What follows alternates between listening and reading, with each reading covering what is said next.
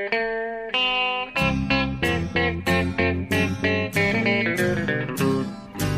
out there, we're on the air. It's hockey night tonight.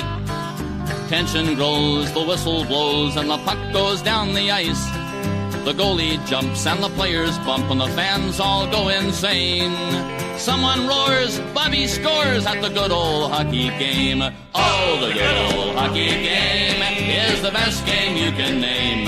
And the best game you can name is the good old hockey game. Hallå, hallå, hallå, hallå, hallå. Då är det dags för NHL-podden igen. Det har bara gått en eh, halv vecka sedan vi spelade in senast. Det var i söndags. Det var på nyårsdagen när Centennial Classic ägde rum. Men nu är det dags igen för nu återgår vi till vår normala rytm när, mellandagarna och eh, högtiderna är över ska jag säga. Eh, Och Per Bjurman är i Washington. Hur är läget? Jo tack, det är bra. Ja, vi försöker komma in i, i normal rytm här. Det är inte alltid så lätt med helger och våra konstiga scheman. Jag befinner mig som sagt i Washington och här är jag därför att jag om ni vill spela, in, spela klart, klara med den här inspelningen då ska jag trampa över till Verizon Center och se när Columbus försöker tangera tidernas rekord och ta sin 17 raka seger. Ja, exakt. Du kan, du kan alltså se, du kan bevittna NHL-historia på plats helt enkelt. Ja, eh, det kan jag. Det är ju alltså absurt egentligen. Att det är just Columbus Eh, också. Liksom. Ja, det har vi varit Ja. inne på så många gånger den här säsongen. Men det går ju inte att komma ifrån det faktumet att det är John Tortorella och hans lag som är i den här positionen just nu. Nej, ja. Det är så, eh, Pittsburgh Penguins vann 17 raka säsongen 92-93 och det är längsta sviten i NHLs 100-åriga historia. Just det. Precis. Men om Columbus nu då tar, tar Washington Capitals ikväll så, eh, så tangerar de det och så får, har de chansen att slå det också på, hemma i Nationwide Arena mot Rangers på lördag. Ja, just det. Då är det nästan så att du får åka dit också. Ja, det börjar väl likna. Jo då, det finns planer på det att försöka ta mig härifrån till Columbus imorgon om det skulle behövas. Och om det går att få loss akkreditering så sent och så. Ja, just det. Tänk att du eh, helt enkelt blir, tvingas bli en följeslagare till Columbus eh, för första gången i, i din eh, yrkeskarriär här. Ja, fast jag har varit i Nationwide Arena förut. Jag var faktiskt där på eh, All Star. Foppas... När Foppa eh, gjorde sin sista comeback, sitt sista comebackförsök. Just det. Då spelade de första matchen i, i, mot Columbus och sen var det Nashville. Och sen var det tack och adjö på hemmaplan. Så. Eh, så jag, och så var det ju All-Star där här om året. det var ju en Men nu ska, vi inte vecka. gå, nu ska vi inte gå händelserna i förväg. Eh, de ska, måste ju slå Washington också och som jag förstått det så är Washington otroligt eh, angelägna om att få klippa av den här sviten. Eh, Ja. De rapporterade i, New- i Washington Post där så fort de efter senaste matchen hade spelarna direkt frågat hur gick det för Columbus. Eh, de, det är en stor match alltså. Det är en riktig happening mitt i grundserien. Det är väldigt roligt. Jag känner mig faktiskt väldigt upprymd över att få gå på det här. Ja, ja trevligt. ja, är Det är lite... som eh, man mycket sällan känner i grundserien. Det är liksom lite samma nerv som i slutspelet. Ja, ja det, är, det kan jag i allra högsta grad hålla med om. Och jag förstår det Washington också. Det är ju ett, ett tufft eh, hinder här för Columbus faktiskt. Det kan mycket, mycket väl eh, ta stopp här känner jag. Det kan det absolut, men... eh, Så ett motiverat Washington. För det känns som att det kanske inte... Det är kanske det som har saknats lite i Capitals den här grundserien jämfört med förra när allt gick deras väg och de rusade iväg till 120 poäng och vann grundserien överlägset. Det här laget, det här, de här, det här materialet som Washington ändå sitter på där många har inte riktigt stoppat sig ner den här säsongen. Alex Ovechkin har gjort något mål, avgjorde här mot Toronto här de sista men har kanske haft lite svackor här där. Jevgenij Kuznetsov har bara gjort 20-talet poäng. Eh, alltså det finns ju sparkapital här som är som med lite motivation mycket väl kan tändas igång. Absolut, det- så känner man ju. Men samtidigt så... När man har sett Columbus på slutet, det, de, de har ju sån enorm karisma. Ja. De, det de, de, de liksom raljerar eh, självförtroende om dem. Och Mm. det, inte minst när de kommer in i powerplay då. Då ser, då ser det ut som... Ja, de vet att de ska göra mål. Ja. ja, det är det som är så så, sjukt. första uppställningen där med Wennberg och så, det, deras powerplay är mördande. Och det har vi fått anledning att återkomma till så många gånger nu. Alltså att den här powerplay-uppställningen, apropå Washington, i- den, i alla fall var för någon vecka sedan i alla fall, den hetaste powerplay-uppställningen sedan Washington med Ovechkin och Bäckström 2011 tror jag. Ja. Och, och vi helt plötsligt, nu pratar vi om alltså att de ska tangera segerrekordet från 92-93 när det var Jagger och Ron Francis och Lemieux och gänget. Alltså, ska vi prata i dessa termer om Sam Gagner och, och och Scott Atkinson. Hartnell. Ja, precis. Cam Atkinson är plötsligt. Så det, Men jag, jag tycker att eh, alltså Columbus, det, det, det, är ju det här gamla uttrycket en lagmaskin. Alltså det är verkligen en maskin som bara rullar på. Ja. Att de har hittat ett system som de fullföljer till 110% match efter match efter match. Ja, och de eh, följer eh, Tortorellas eh, filosofi till exempel om att de har nästan aldrig eh, morning skate. Ja, just det. Det pratade jag med William Karlsson häromdagen efter senaste matchen. Han sa nej, det, det är, de bara tycker det är onödigt att, ödsla energi två gånger om dagen. Vi sparar det. På bortamatchen ligger vi och, och myser på hotellet istället för att gå till rinken förrän det är dags. Ja. Eh, Och det är kanske en bra idé för dem. Det är tråkigt för oss journalister. Det blir väldigt mycket mindre tillfällen att prata med dem ordentligt. Ja, det finns ju lite mer eh, utrymme för snack, eh, liksom lite mer avslappnat snack under målomvärmning snarare efter en match och sånt där. Ja, det kommer inte vara kul att gå in till dem idag för första gången och försöka hälsa på Wennberg. Jag kom, om de då har förlorat så kommer jag att betraktas som Mr Jinx. Ja, ja då, är du, då kommer du ha extremt dålig aura där omkring dig. Hur var det? Ja, det blir inte lätt att göra någon bra intervju då.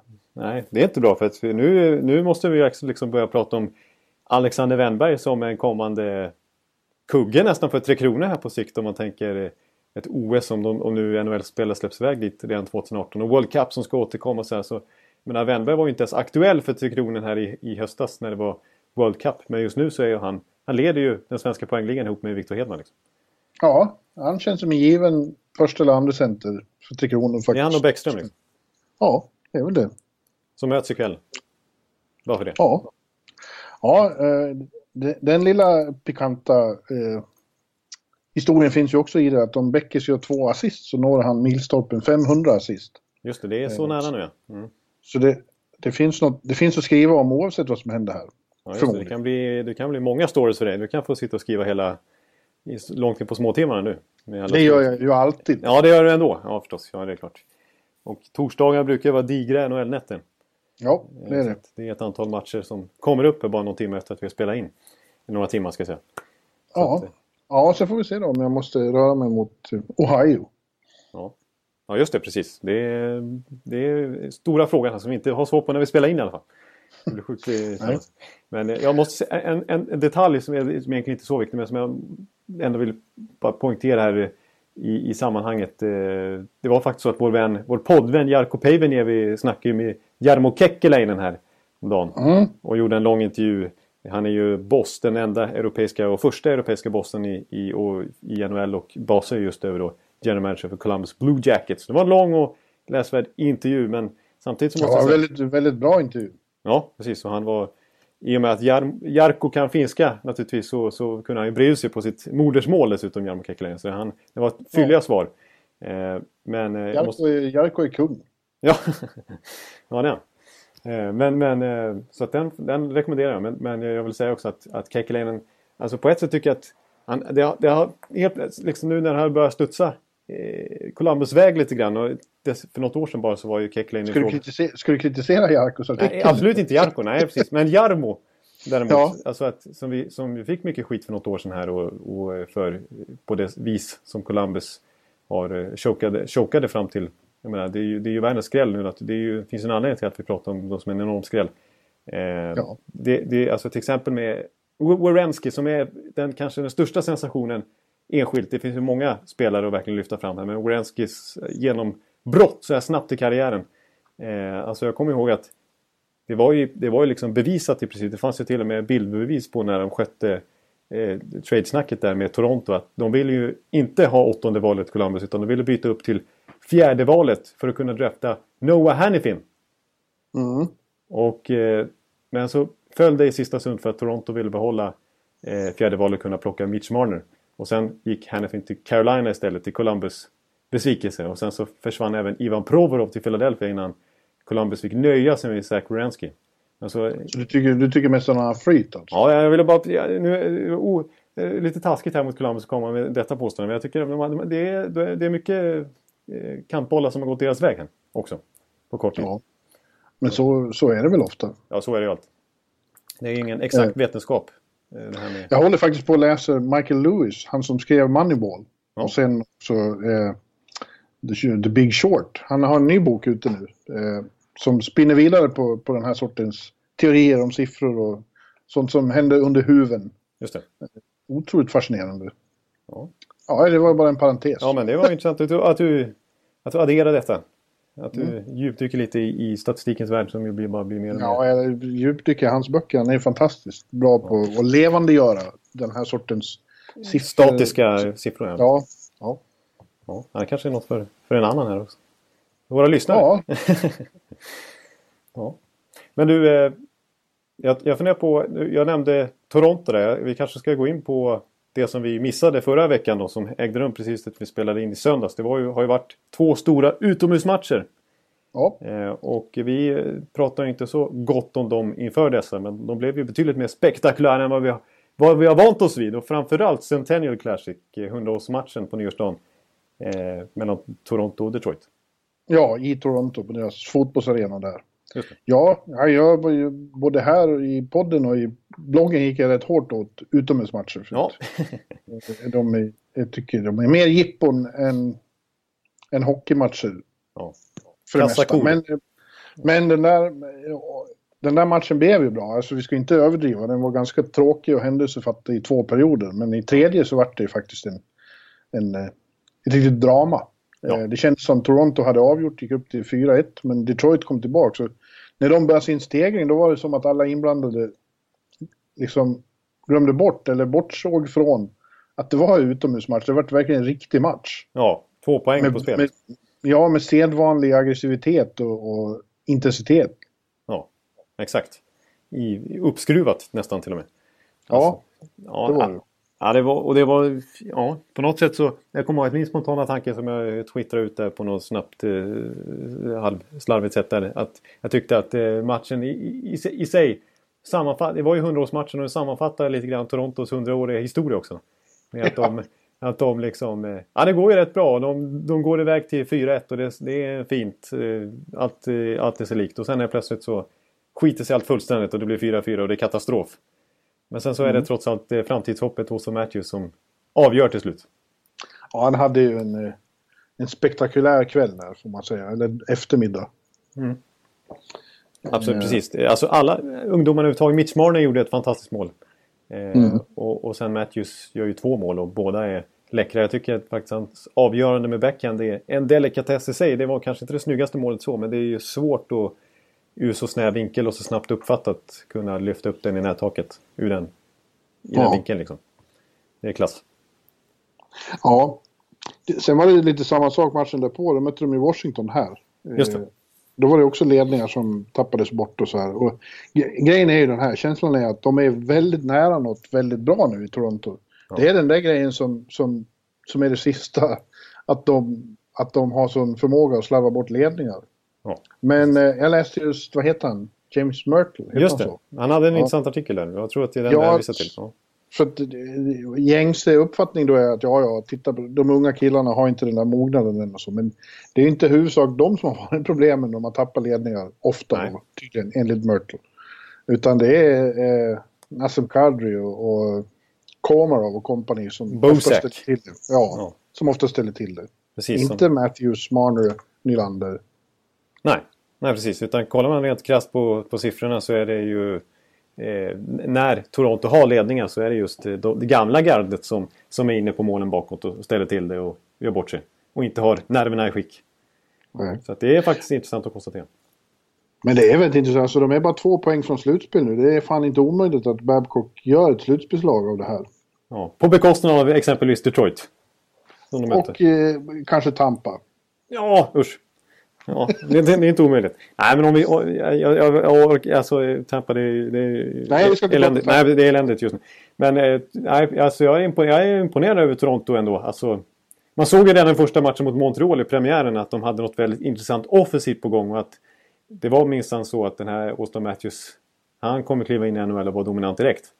Mm. Eh, sen har det visat sig att, eh, och Nylander och så, som vi hade stora förhoppningar på, Mitch Marner naturligtvis, de här lite mer kända prospectsen. Men Även sådana som Zach Hyman och Connor Brown har ju kommit in och Sosnikov och gänget. Alltså det, det, det finns så, de är så otroligt energiska och sevärda detta Toronto-lag och också sprudlande offensivt och har ju en enorm förmåga att faktiskt i 5 mot 5 spelet dominera matchen nästan. De, de släpper in väldigt mycket mål men de skapar extremt mycket chanser. Austin Matthews har ju galen statistik när det kommer till att skapa chanser. Liksom. Ja. En, en, speciell sort. Han är ju extremt eh, tråkig. Ja. Om man får uttrycka det så utanför isen. Lite som Conor McDavid. Ja, nästan värre. Ja. han har inte mycket att säga. Nej. Men eh, han säger det på isen istället. Ja, det, är ju, det, det, det räcker gott och väl egentligen. Får man säga. Men... Eh, ja, ja, Och sen ska man ju också, eh, vad gäller... Inledningsvis så såg det ut som de skulle få målvaktsproblem igen, men mm. Vår danske vän Fredrik, Fredrik Andersen har ja. ju blivit bra också. Ja, det, det tycker jag man får eh, konstatera i allra högsta grad. Jag var ju en, en som var ute och högg lite på honom i början där. Ja, du hugger ju så gärna på folk. Ja, Ondskan kallar Ondskan. på redaktionen. Ondskan. De kallar Ekeliv för Ondskan på redaktionen. Det ska alla veta. Ja. Det är för att det, det, är ett så kallat ironiskt smeknamn. Eh, för ja. de tycker att den är så långt från ondska man kan komma.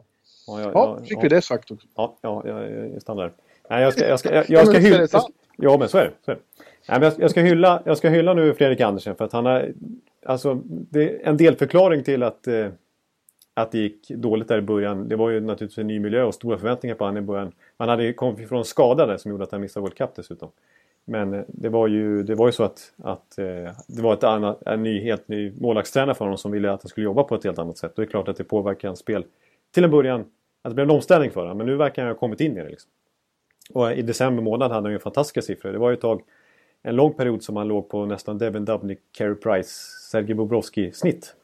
Ja. Att, eh, nu har de varit lite mer, släppt in ett antal mål här på slutet. Men, men de har ju fått ett, ett målvaktsspel som har varit det bästa på många, många år nu faktiskt, Toronto. Eh, faktiskt, den här vintern. Ja. ja, det ska bli intressant. Om jag inte åker till, om eh, det inte blir Columbus, då tar jag tåget tillbaka mot eh, New York och kliver av i Newark och går och ser New Jersey-Toronto istället imorgon kväll. Ja, just det.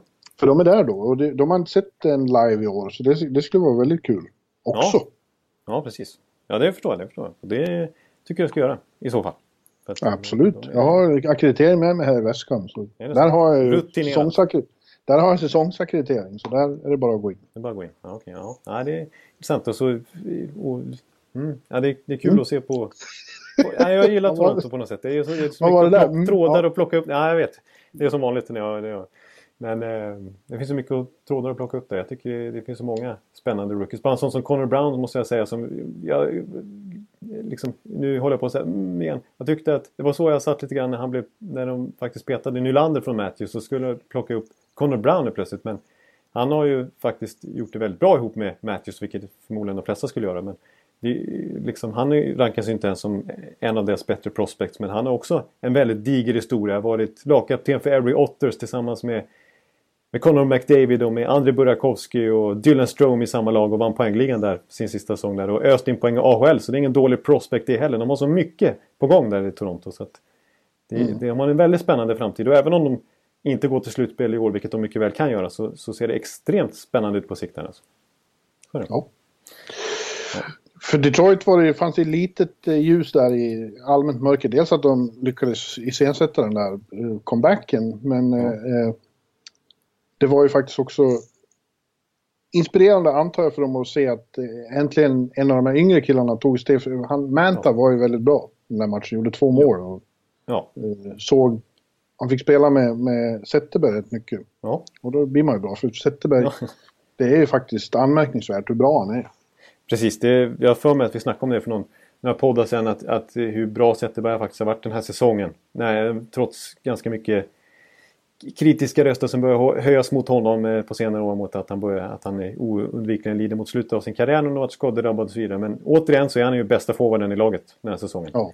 Och ja. Eh, nu har han ju fått lite av en lekkamrat här på slutet i Anthony Manta som man har väntat på så länge ska få den här utväxlingen att han ska, att han ska bli den här ledande spelaren i, att räkna med i Detroit. Och nu har han gjort nio mål på kort, ganska kort tid. Ja, medan Larkin har en uh, sophomore slump. Ja. Så plocka fram ett fint gammalt uttryck. Som måste läggas in en gång per avsnitt minst.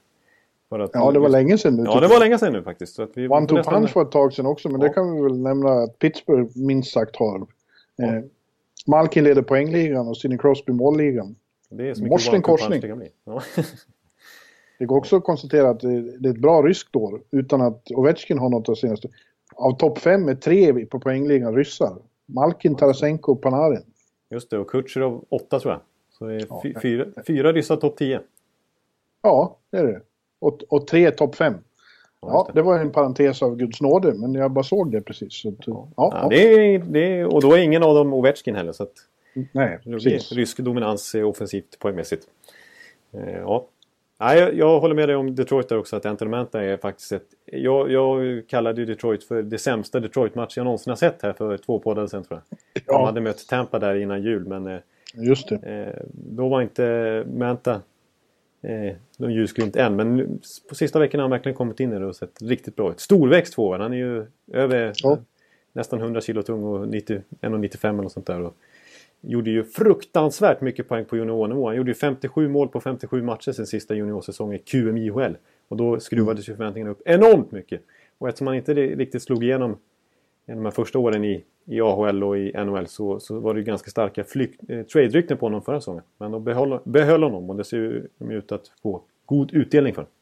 Ja, gjorde de rätt i. Eh, tyvärr såg det inte nu vidare ut eh, mot Anaheim igår kväll. Då var de en sån här dålig passager, mycket passagerare sa coachen. Ja. Det är inte för ofta så. Ja, tyvärr. Är, nej, som sagt, vi har varit inne mycket på Detroit och det, det ser ut att... eh, Det ser trots allt ut som att den här sviten kommer att brytas. Jag har svårt att se att de ska klättra förbi både Tampa, Toronto, Florida, Ottawa, Boston. Ja, ja, absolut. Ja, men nu dagen efter Centennial då var det vanliga Winter Classic. Eh, vi fick en extra nyårsdag i, i, i USA eftersom nyårs, den officiella nyårsdagen var på en söndag så var det lite extra helgdag på måndagen. Just det. Och då passade de på att ha vanliga Winter Classic i St. Louis då, i, i vätan och eh, diset. På Ja, Bush, Bush Stadium i St. Louis så tog St. Louis emot Chicago och eh, slog dem övertygande med 4-1. ja. Det, är ju, det älskar ju alltid St. Louis att få nita dit Chicago-lag. Vilken sport Ja. det än handlar om. För de har en slags lillebrorskomplex mot Chicago. Det märktes ju också då att för St. Louis var det här enormt stort att få arrangera den här matchen på hemmaplan. Ja. Man väntade länge på det och eh, eh, det, var, det var ett väldigt inspirerat lag bland väldigt inspirerade fans som, som gjorde en av de bättre matcherna. De hade ju varit lite klena på vägen dit för man förstod att de redan hade fokus på den här matchen Ja, just det. Eh. några omgångar innan. Eh, men gjorde, de gjorde eh, riktigt bra i, i väldigt snygga jubileumströjor. ja, precis. De var eleganta, de där klassiska, lite lätt ljusblåa nästan tröjorna. Ja, Så att, och Vladimir Tarasenko har ju, gör ju en kanonsäsong. Du har ju, vi har ju redan nämnt han nu. Han är en av de där ryssarna som är topp 5 i poängligan. Gjorde två mål i slutet av matchen där och blev ju matchhjälte. Han var jävligt på redan från början, det såg man hela matchen. Ja. Han ville verkligen eh, göra skillnad. Ja. Och det gjorde han. Han är en fantastisk hockeyspelare när han, när han vill. Ja, och det, det, som, det som jag tycker är intressant med Tarasenko också eh, det är att, som, som det har pratats länge om bland bluesfolket, nu har han ändå gjort, han gjorde 40 mål förra säsongen och han har legat på en poäng per match i eh, två, tre år nu. Eh, I snitt, eh, nära, nära åtminstone. Och nu har han gjort 18 mål den här säsongen och är med i toppen av poängligan. Men han skulle kunna göra ännu mer om han bara filar på sitt direktskott. För om man ser på de stora målskyttarna i NHL som Ovechkin och vi kan väl dra in Line i den konversationen till exempel nu så, så är de ju bra på att skjuta direkt. Det är oftast så i powerplay och så vidare. Men det är någonting som inte riktigt Tarasenko behärskar. Utan han, han gör väldigt mycket mål trots att han inte har något vasst direktskott. Så skulle han få till den detaljen i sitt spel också kanske han skulle kunna bli NHLs allra bästa målskytt till och med. Det finns nästan inget snyggare än direktskott som Nej. sitter. Fan vad vackert det kan vara. Ja. Nej, William Karlsson gjorde ett senast som var... Åh. ja. Du, du ryser. Ja, det gör jag också för att det är lite kallt här. Ja, ja. Inte lika kallt som hos er. Jag har förstått att det är svinkallt i Stockholm. Nej, jag anstränger mig för att inte sitta och snörvla i podden här. För att jag, jag har gått, gått eh, ute alldeles nyss i 15 minusgrader. Herregud. Usch. Ja, men det snöade faktiskt lite i Washington idag. Det var lite skillnad mot när vi var här inför World Cup. Det var så jävla hett som man höll på att ånga bort här. Det var så pass. Nu är det plötsligt kallt och snö. Ja, ja det var också en, ytterligare en parentes. Mycket parenteser idag. ja, men det, det ska vara så. Men... Eh, Ja, nej, men och, och, och ja, Töje som sagt i Winter Classic som var väldigt vått såg det ut som på tv-bilderna. Mm. Eh, slaskigt, men... Eh, men det var okej okay match också. Det var, det var bra tempo. Ja, ja, jag tycker...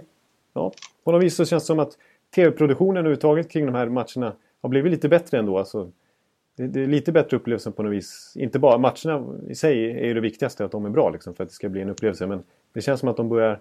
De har, de har, det, är, det, väl, det börjar vara uppe i en över 20 utomhusmatcher nu i NHL. Så det är klart att produktionen och liksom, eh, arrangemanget kring det blir väl bättre och bättre och mer an, liksom, publikvänligt på något vis. Jag tycker det är bättre när de är på baseballarenor än på fotbollsarenor också. Alltså. Det blir lite, ja, det blir lite tajtare. Ja, fotbollsarenor kanske är lite för stora så det blir för långt ifrån. Liksom. Ja, ja, live är det ju. Jag envisas ju med att hävda att det är en skitupplevelse live. Det, det, klarar man sig gott utan. Om man nu inte tycker att det, att det centrala är att få vara med på en folkfest, då är det kanske...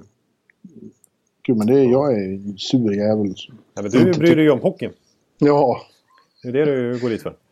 Precis. Ja. Men du, Chicago måste vi nämna också då. Eh, de har ju spelat så otroligt många av de här så man tryck, trodde kanske att de skulle ha övertag därför. Men det är snarare så att nyhetens behag har försvunnit för dem.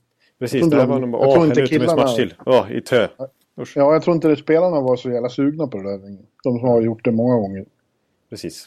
Och, exakt. Och det då, faktiskt, eh, vi pratade ju en hel del om, om Chicago förra podden här när Panarin hade skrivit nytt kontrakt. Men de har ju förlorat ett antal matcher här på slutet. Och lite ja. trögare. Men, ja, lite trögt går det. Men normalt sett... De saknar Hossa. Ja, det har faktiskt upp, eh, nästan, ja, kanske inte förvånansvärt tydligt, men det är tydligt i alla fall. Ja. Att han är, lämnar ett tomrum efter sig där. Eh, å andra sidan så brukar ju Chicago inte vara någon grundseriemaskin riktigt, utan de brukar ju med nöd, och näppe se till att de klarar en slutspelsplats. Liksom.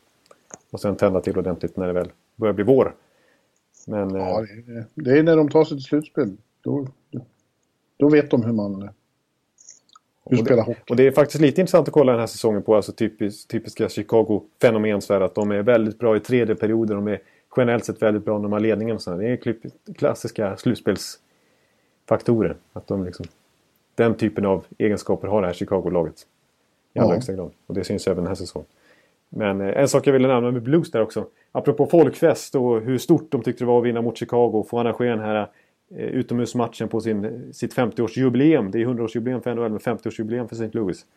Eh, så, så, så har ju ägaren och staden här försökt presentera, få igenom att eh, Scott Trade Center ska uppgraderas och renoveras för en miljard oj, oj, oj. kronor. Och eh, detta försöker de eh, lite snyggt nu när St. Louis är så populära och när Rams har försvunnit från staden och St. Louis är lite mer ensamma på banan tillsammans med basebolaget här så försöker de få det här att, genom public funding, genom skattemedel. Ja, okej. Okay. Så, så, nu har det plötsligt blivit lite, nu är de kanske inte riktigt lika populärt för att när, när folket, eh, den initiala rapporten därifrån är väl att de är inte jättesugna på att lägga nu ska ju inte alla, hela miljoner betalas med skattepengar men det är inte så sugna på i dagens politiska läge här. I... Nej, det tror jag det. St. Louis är en stad med problem. En ruffig stad. Där ja. det finns behov av pengar på, andra sätt än idrottsarenor. Eh, Scott Trade Center är ju en mäktig arena men ja. det, det, är ju... De slits jävligt fort de här arenorna det är mycket arrangemang. Ja, det är ju, det är ju så. Det är ju, det, det, de används ju till allt möjligt, till konserter och till Ja. Alla möjliga sporter. Hockey 82-41 matcher per säsong minst om det inte blir slutspel. Det... det... känner man nästan överallt man kommer. Om man varit igång några år så ja, det, slitaget syns. Ja. Tydligt. Ja. United Center i Chicago till exempel, det känns gammalt i det här laget. Ja. Och där har det ändå varit kontinuerliga renoveringar titt som tätt. Liksom. Ryan Reynolds here from Mint Mobile. With the price of just about everything going up during inflation, we thought we'd bring our prices down. So to help us, we brought in a reverse auctioneer, which is apparently a thing. Mint Mobile unlimited premium wireless. Ready to get 30, 30, bit to get 30, bit to get 20, 20, 20, bit to get 20, 20, bit to get 15, 15, 15, 15 just 15 bucks a month. So, Give it a try at mintmobile.com/switch. slash $45 up front for 3 months plus taxes and fees. Promo rate for new customers for limited time. Unlimited more than 40 gigabytes per month slows. Full terms at mintmobile.com. Så är det. Men du, eh, eh, tänk om det vart så att de eh, stötte på sin gamla rival från 5-6 år sedan, Vancouver Canucks i i, slu, i ett eventuellt slutspel, Chicago. Oj då. Ja. Plötsligt känns inte det helt omöjligt eftersom Vancouver är ett av de hetare lagen senaste veckan här. Och Ja. tagit fem raka. Ja, det hade man ju verkligen inte eh, väntat sig. att Vancouver faktiskt eh, skulle helt plötsligt blanda sig i slutspelsracet igen som de har gjort nu. För nu är det bara en poäng från wildcard-plats. Ja. Och eh, de är med i Pacific-divisionen där också. Så att, eh, ja. Nej, Man ska, väl, eh, man ska väl eh, lägga in reservationen att några av matcherna man vunnit, framförallt de två senaste, har varit mot klent motstånd. Det var Arizona först, eh, Colorado först och Arizona innan. Men dessförinnan så var det faktiskt Anaheim, Edmonton, Anaheim och Kings de slog. Ja, det är ganska eh, lite mer fjäder i hatten får man ändå konstatera. Ja. Ja, eh, det känns som att det framförallt eh, lite längre bak i leden som det har hänt saker. Liksom att det eh, har f- fått bättre understöd som har saknats. De har haft ett par bra kedjor och inget mer. Nej, och sen så är det faktiskt så att de, de har ju fått till försvarsspelet bra alltså. Eh, nu också. Alltså dels så har ju Markström och Miller varit ett, ett riktigt bra målvaktspar båda två. De har ju spelat ungefär lika mycket. 20 matcher var ungefär. Båda har varit bra. Och sen så nu är ju även, eh, det, som har varit ett problem eh, under många år tycker jag, att Edler haft återkommande skador. Chris Tanner har haft massor med skador. Men egentligen är ju de, när de här två är skadefria och med och spelar och bidrar så är de, båda två är ju topp tre, topp fyra backar i de flesta NHL-lag. Ja. Och eh, sen har de ju faktiskt fått en positiv utveckling. Oväntat bra utveckling på vissa lite anonyma backar som Ben Hutton och Troy Stetcher och den här nya ryssen Triamkin som har kommit in. Så försvarsspelet ihop med Miller och Markström i kassen har varit, eh, tror jag, är fundamentet. Sen, Stasher är plötsligt först, i första backpar med Edler. ja, kommer direkt från college till att bli liksom en, en, en bra NHL-back. Ja, men det är också eh, i kedjorna där, tredje kedjan med Horvat och Barteshi, säger man så? Ja, han är ju schweizare. Jag har absolut ingen aning om att jag skulle. Jag skulle chansa på Bertzi. För jag för mig att han stavar med ett ä. Men okej. det blir ju ett ae på, på amerikanska. Ja. Men eh, Kanadas engelska. Så. för det har ju varit dåligt med liksom eh, Beatles-innehavarna i många Ja. år nu. Eh, precis. Och det jag menar, bara sån, alltså jag menar, Sedinarna har ju alltid varit poängligaledare i det här laget under ett decenniums tid i princip. Sen eh, Näslunds och Todd Bertuzis dagar. Men nu är det ju faktiskt just Hor- Bo Horvath, Bosse Horvath som, eh, som leder poängligan. Interna. Ja. Gjort nästan Ja. 30 poäng. Eh, och eh, Ja, och, eh, alltså, och bredden har varit helt okej också. Nu har ju faktiskt Anton Rödin, jag ska inte säga att han är någon nyckelspelare på något sätt än, men han har ju fått efter sin skada, SHLs mest värdefulla spelare förra säsongen, kommit in och gjorde en assist här, eh, här om natten. Och, eh, och ja, Ja. överhuvudtaget så börjar det, nej, som du sa, Batchy där också varit en väldigt positiv överraskning och gjort över 20 poäng hittills. Så att, eh, och sen så, ja, jag gillar ju i grund och botten som jag alltid sagt att jag, jag har aldrig varit någon motståndare till Willie Desjardins. Jag har varit glad att de har hållit fast i honom trots ganska svaga säsonger här. Eh, och nu verkar det som att de har lite stabilare grund att stå på. Men jag vet inte om, om jag skulle se dem som ett slutbeslag ändå. Jag vet inte om det... De är, vi har varit inne på Vancouver några gånger eh, de senaste åren och det är, det, är, alltså det är svårt att se... Nej, vi har ju dömt ut dem lite grann. Ja, det har vi. Eh, och att det är svårt för dem att riktigt bottom out heller och göra en all out rebuild med när de har Sedinarna på kontrakt. Och, alltså det, det är svårt att komma sist med det. Med, med Ja, men nu har, de ju, nu har de ju som sagt väldigt häng så det är bara att köra.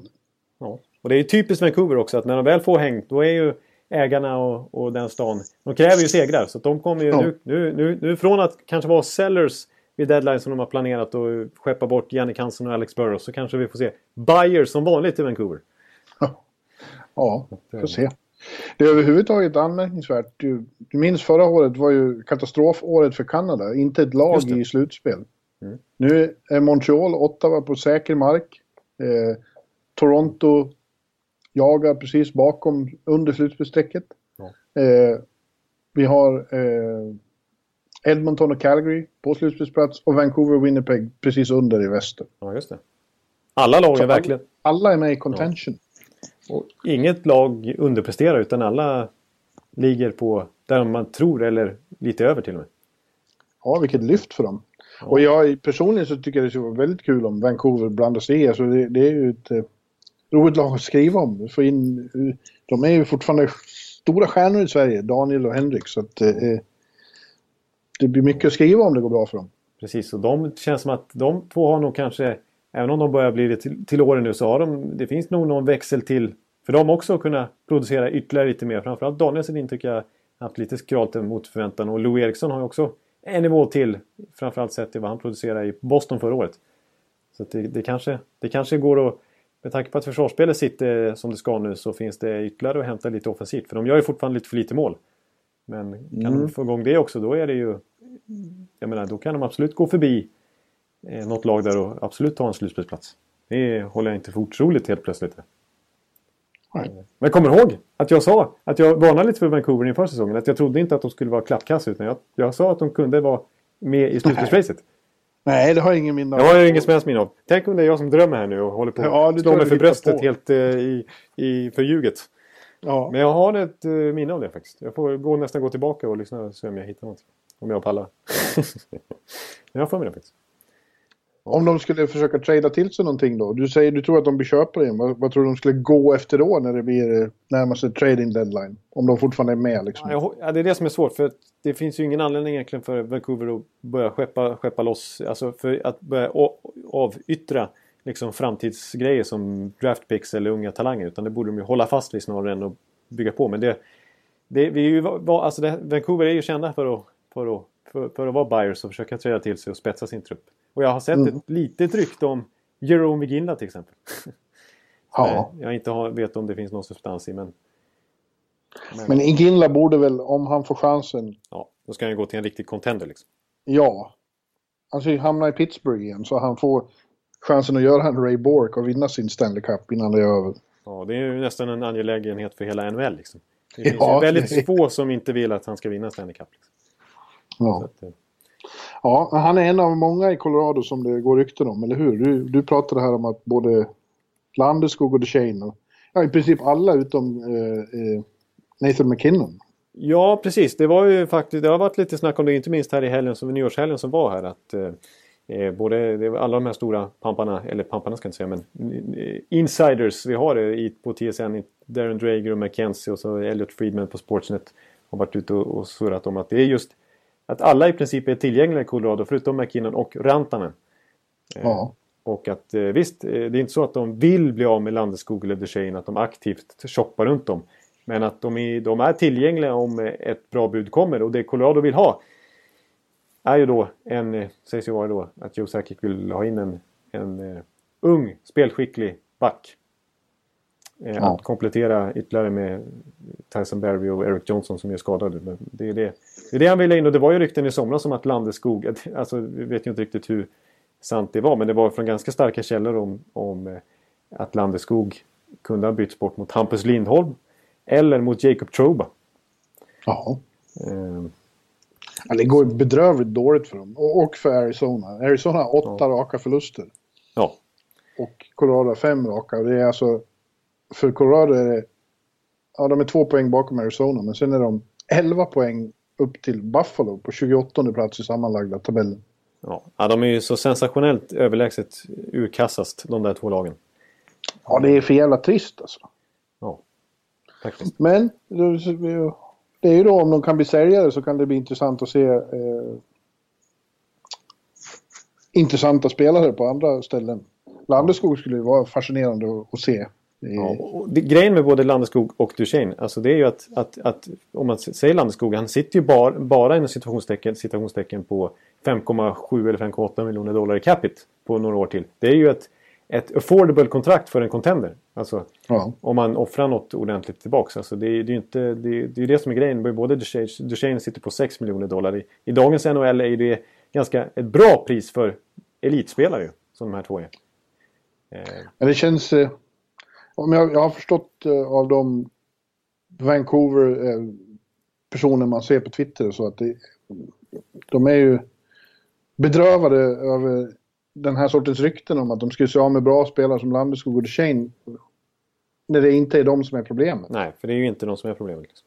Nej, utan det är ju att de inte har någon... Det är samma sak som vi pratade om Vancouver. Det är, det är för dåligt i, i tredje och fjärde kedjan.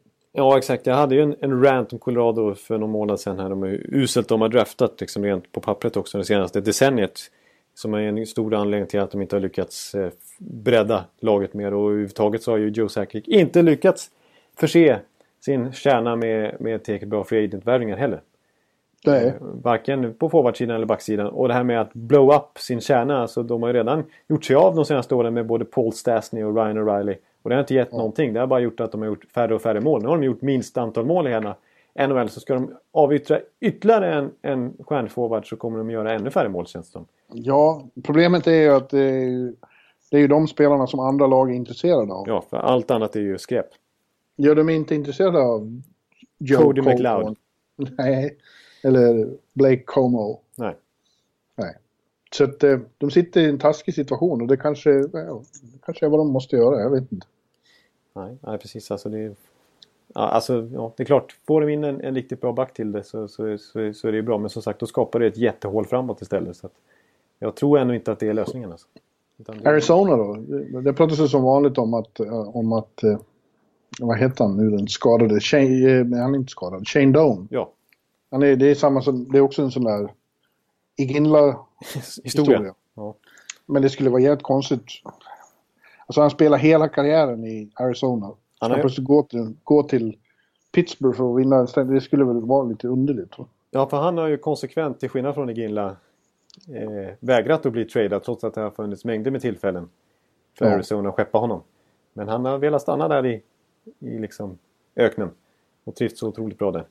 Eh, så att det vore lite märkligt. Men just nu, nu är han faktiskt 40 år och det här är förmodligen hans sista vår i NHL. På riktigt. Nu, nu kommer han nog lägga av. För nu Ja. har han inte riktigt varit lika bra den här säsongen heller. Delvis på grund av att Arizona har gått så otroligt dåligt som lag också. Men eh, det finns ju ganska många, må- mycket intressanta pusselbitar i Arizona som är billiga också. Det är ju det man måste titta på också. Alltså, jag menar, eh, Verbata har gjort eh, nästan 30 poäng. I alla fall 20-25. Eh, så- alltså 26 tror jag. Om jag är helt korrekt. Så, och han sitter ju bara på en miljon. Så han är ju... Han är Ja, i och för sig då. Han är billig och så, men en, han är ju inte någon som gör en contender supervassare framåt. Nej, utan nej, precis. Så Det är det bara vara bredd. för Ja, det skulle vara i tredje, fjärde, och jag vet inte om han är perfekt i den rollen. Nej, och han har ju, han har ju varit... Det är konstigt med Rubat att han har inte varit...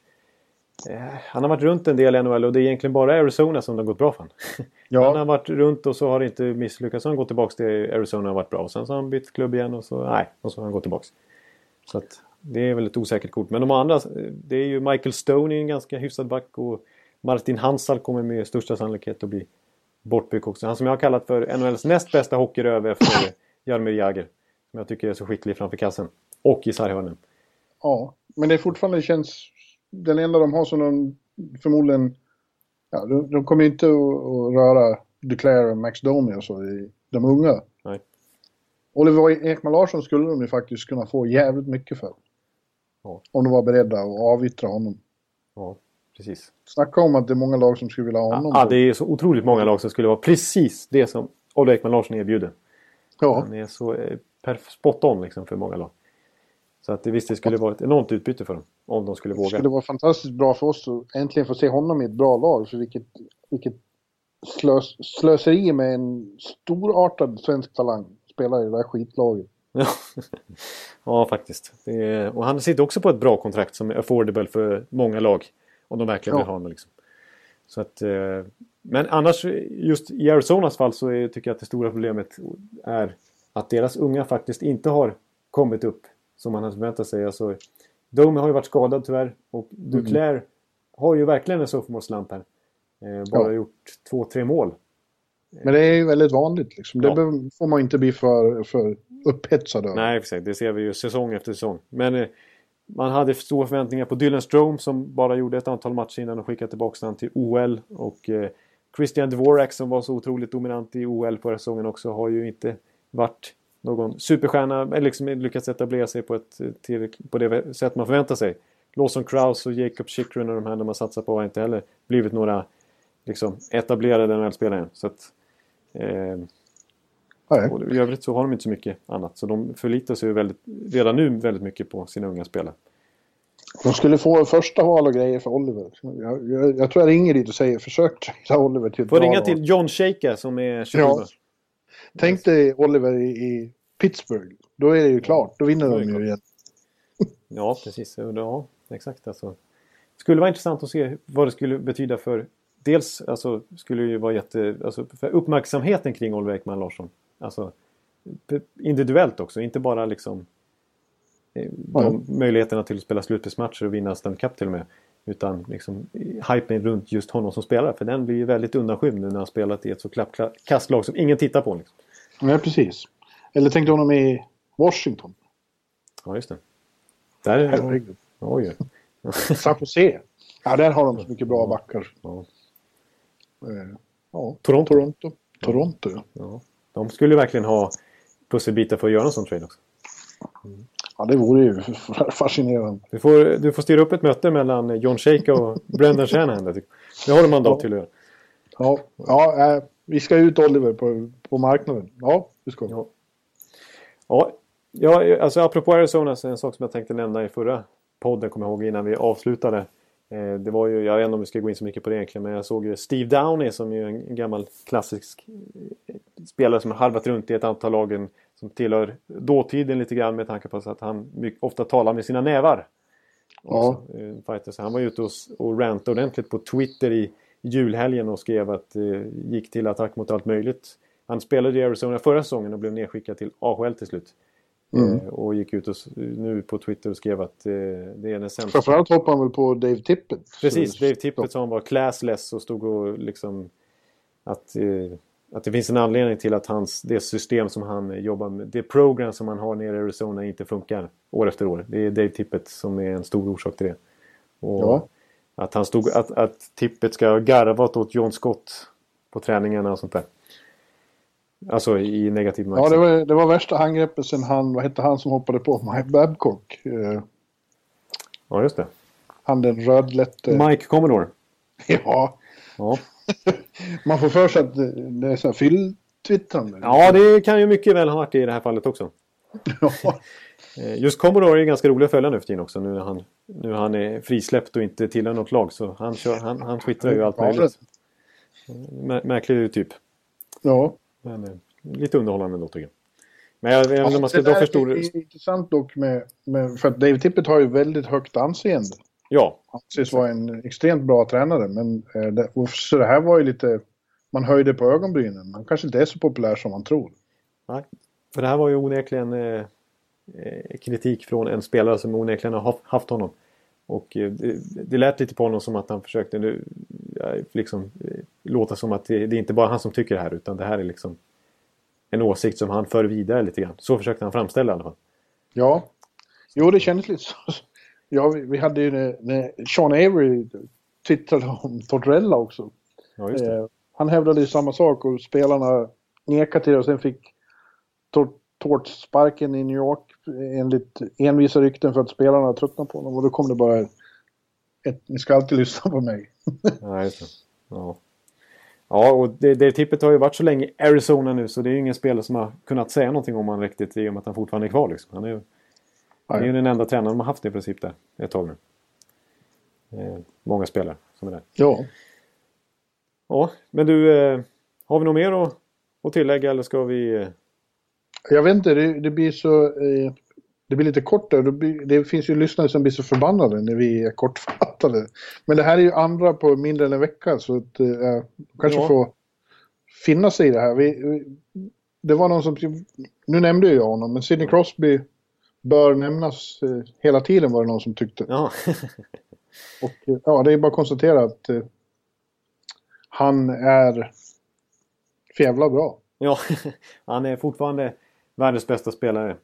Det ju, Han har ju bara, framförallt gör mål, det här pratade vi om tidigare, det var ju väl Hagelin som berättade det, för att han har ju tränat ännu mer på sitt skott.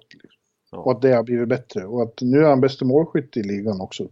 Exakt, ja precis. Han har dels, precis så, han har blivit väldigt skicklig på styrningar och sånt där också tycker jag. Alltså alla, det, han gör inte bara mål på ett sätt utan det är backhands som vanligt och det är som säger skott, sådär riktiga målskyttsskott och det är styrningar och det är returer och det är nära kassen Ja. och långt ifrån kassen. Så att han behärskar allt och han har ju ett hockey-IQ som inte är av denna värld som ingen annan riktigt kommer upp i. Alltså det finns ju så många små detaljer man kan peka i hans spel som ingen annan eh, riktigt klarar av på en hockeyis. Kanske när man eh, övar lite för sig själv men att göra det i den farten och med den bevakningen som han har på sig hela tiden gör ju att han Mm. ligger ett steg före hela tiden. Liksom. Ja. Eh, och man kan ju undra om det är så att han blir extra inspirerad eller sporrad av att det kommer en ny som sägs ska ta över NHL. Ja. Eh, i Conor McDavid. Det kan nog vara så att han blir lite extra taggad av den nya rivaliteten. Ja, det, det känns eh, faktiskt som det. Det är, det är svårt att, att tolka på något annat sätt ändå när det har varit så mycket snack om att eh, när vissa till och med har försökt påstå, framförallt efter McDavids fina start där, att han, att han kanske till och med har gått förbi och är redan nu den bästa spelaren i världen. Men då har ju med all önskvärd tydlighet Crosby svarat upp med, med en av sina... Alltså han, han har ju ett otroligt år bakom sig överhuvudtaget. Han vann ju allt som gick att vinna 2016. Ja, det... Eh, det går inte att göra mer än vad han gjorde då. Liksom. Eh, MVP i allt han ställde upp i och, och, och fick lyfta segerpokalen överallt också. Så att, vare sig landslag eller klubblag. Så han är, Ja. och, och, då måste man, och det som är så sjukt med det här Pittsburgh-laget som gör det är ju att liksom Evgenij Malkin är som leder poängligan nu. Så att, som du var inne på tidigare också. Alltså det, Ja, det är det gamla two-headed mon- monster som har st- stickit upp, stuckit upp sitt eh, tveeggade huvud igen. ja, och eh, titta ner på resten av hockeyvärlden. Ja, ja. Att, Ja. eh, ja, de är, det är Pittsburgh Penguins. Eh, sorry Columbus Blue Jackets, men det är faktiskt Pittsburgh som är förmodligen det bästa laget i NHL när, man, när det börjar vanka slutspel i alla fall. Och sen, om, man ska, om man ska behöva eh, tippa något lag som segrare. Ja, och tänk när de får Oliver Ekman Larsson också. Just det, precis. När de tränar till sig honom där. Han och Letang på blå linjen. Ja, precis. Det är nästan som man skulle vilja ge dispens till Pittsburgh nu med extra löneutrymme bara för att få se. Och Jerome McGinley där också får vinna Stanley Cup. Liksom. Då har vi allting på en gång. Ja, men då har de råd att ta Oliver en månad där på slutet. Ja, just det. Precis. Det tycker jag. Så kan de trada vidare honom till Tampa nästa år. Ja, precis. Det, det, då, då har vi hela spektrat fixat. När vi, då är jag extremt nöjd. Ja, ja, men du, nu ska vi sluta blaja här. Jag ska sätta på mig kostymen och, och promenera genom huvudstaden till Chinatown och Verizon Center och se hur det går i den här denna happening till match ikväll. Ja, denna historiska match som det mycket väl kan bli. Ja, Så att, eh, det ser vi i allra högsta grad fram emot. Och vi tackar alla lyssnare som har varit med oss den här lite kortare podden än vanligt. Men det har, vi har ändå spelat in en timme och 50 minuter på eh, f- fyra dagar här. Så vi har alltid nått. ja. Så hörs vi igen nästa vecka. Då säger vi så. Ja, det blir bra. Adjö. Adjö. Hej!